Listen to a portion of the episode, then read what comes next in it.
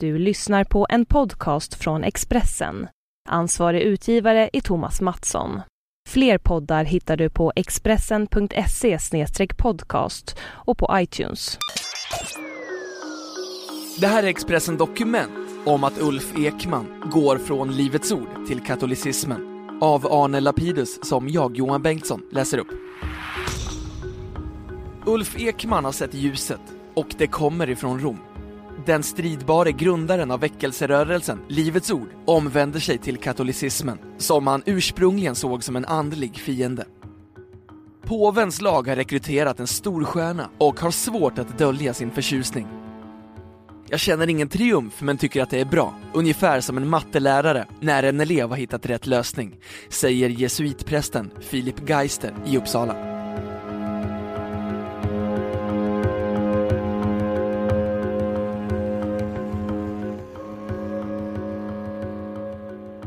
Pastor Ulf Ekman och hans fru Birgitta blir katoliker.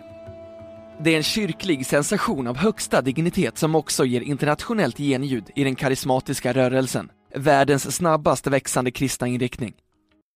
Paret lämnar sitt livsverk Livets Ord, en fantastisk framgångssaga med 250 000 medlemmar över hela världen. För de som på närmare håll följt Ulf Ekmans teologiska utveckling under senare år kommer det kanske inte som en fullständig överraskning. Han har närmat sig katolicismen och yngsta sonen Benjamin konverterade förra året. Men att pastorn som en gång motsatte sig att påven skulle besöka Sverige nu skriver på för papisterna i Rom slår trots allt ner som en bomb. Det är en kyrkohistorisk händelse utan motstycke att en så viktig frikyrkoprofil blir katolik har väl aldrig hänt. Det sänder chockvågor i den övriga kristenheten, säger Daniel Jernberg, medlem av Livets Ord i Uppsala. Ulf Ekman var präst i Svenska kyrkan fram till 1983 då han grundade den evangelisk-karismatiska församlingen Livets Ord i Uppsala. Han blev pastor och församlingsföreståndare fram till dess att han gick i pension förra året. Rörelsen växte snabbt Livets Ord startade en populär bibelskola där sångerskan Carola Häggkvist blev den kanske mest kända eleven. Carola och Runar Sögaard gifte sig i Livets Ords kyrka 1990. Ekman blev internationellt känd som föredragshållare, evangelist och författare till böcker om kristen tro. Han ledde kristna tv-program.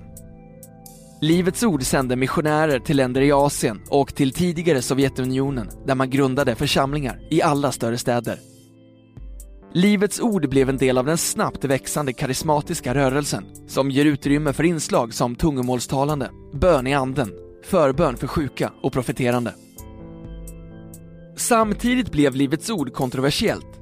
Kritiker anklagade rörelsen för att ägna sig åt extrem framgångsteologi och auktoritärt styre.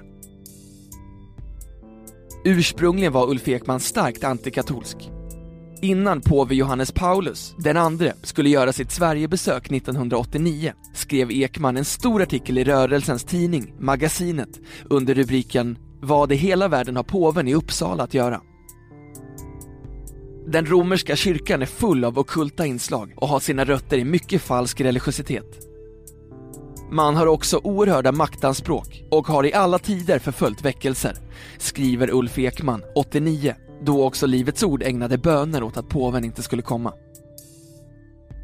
Ekman tillägger att det enda påven menar med ekumentik är att citat ”de skingrade bröderna ska återvända till moderkyrkan i Rom”. Slutcitat. Idag, 25 år senare, återvänder Ulf Ekman själv till Rom. Det har varit en lång resa under vilken han gradvis närmat sig katolicismen. Men omvändelsen slår ändå hans flock med häpnad. I en debattartikel i Dagens Nyheter ger Ulf Ekman en ursäkt för sina attacker på katolicismen och ger bakgrunden till sitt omvändelsebeslut. Sedan millennieskiftet har min hustru Birgitta och jag på olika sätt kommit i kontakt med den katolska kyrkan. Det har varit en spännande upptäckt att i många internationella sammanhang, inte minst under de tre år vi var bosatta i Israel, möta en vital och levande katolsk tro. För oss innebar det både en utmaning och ett glädjefyllt igenkännande. Detta har steg för steg lett fram till en omprövning av vår teologiska övertygelse och vår kyrkliga praxis, skriver han. Paret ger också en exklusiv intervju till Världen idag, en tidning som står Livets Ord nära. De medger att de har varit negativa till katolicismen, men understryker att det aldrig varit en huvudfråga för dem.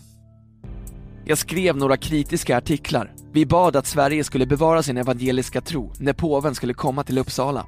Och jag har undervisat en del på bibelskolan om det här. Men bortsett från det, som var ett ganska tidigt skede, så har vi inte ägnat en massa tid åt dessa frågor, säger Ulf Ekman till Världen idag. Det finns ju rabiata katolikhatare och sådana har vi aldrig varit. Men vi har varit misstänksamma och även okunniga, säger Birgitta Ekman som förklarar att hon närmast kände sig lurad när hon började upptäcka vad den katolska kyrkan hade att erbjuda. Filip Geister, jesuitpräst och rektor för den katolska högskolan, Newman-institutet i Uppsala, är noga med att inte ge uttryck för några triumfkänslor efter Ulf Ekmans beslut att konvertera. Det handlar inte om att säga vad var det vi sa, utan om att vi är glada för hans skull.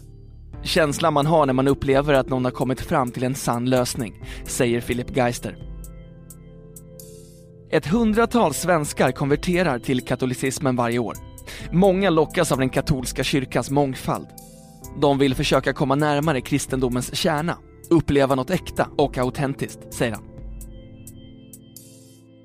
Karl-Henrik Jaktlund, ledarskribent på den kristna tidningen Dagen, förklarar att Ulf Ekman under de senaste 10-15 åren har haft en väldigt tydlig resa i riktning mot katolicismen. Men att meddelandet om konverteringen nog ändå slår ner som en blixt från klar himmel för många.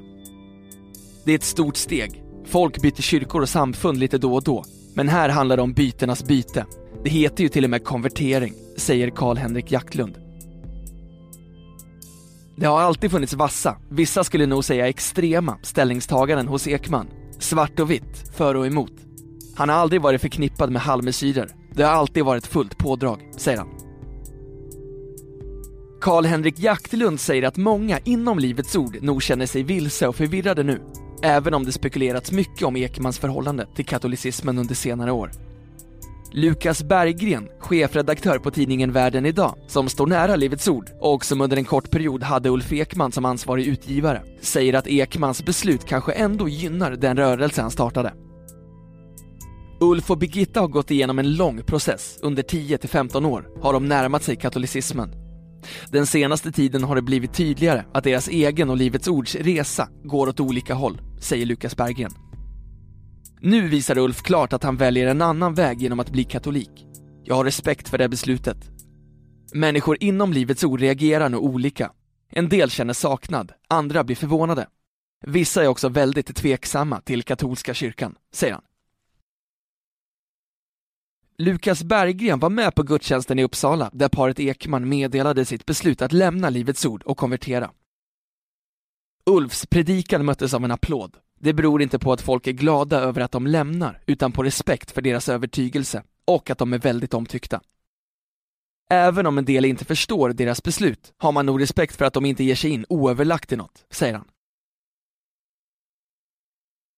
Författaren och Expressen-krönikören Marcus Birro är katolik och vän till Ulf Ekman. De ska tillsammans guida en grupp resenärer i Rom i början av april.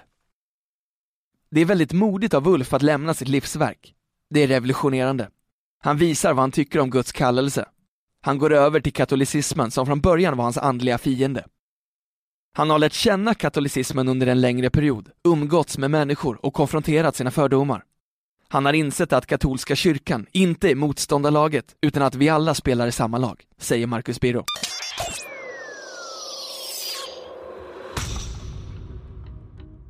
Du har lyssnat på en podcast från Expressen. Ansvarig utgivare är Thomas Mattsson. Fler poddar finns på Expressen.se och på iTunes.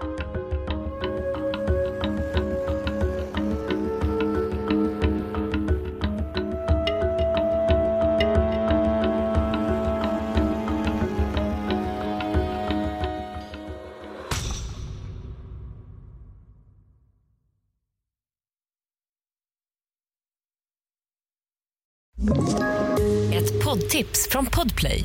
I fallen jag aldrig glömmer djupdyker Hasse Aro i arbetet bakom några av Sveriges mest uppseendeväckande brottsutredningar Går vi in med hemlig telefonavlyssning och, och då upplever vi att vi får en total förändring av hans beteende. Vad är det som händer nu? Vem är det som läcker?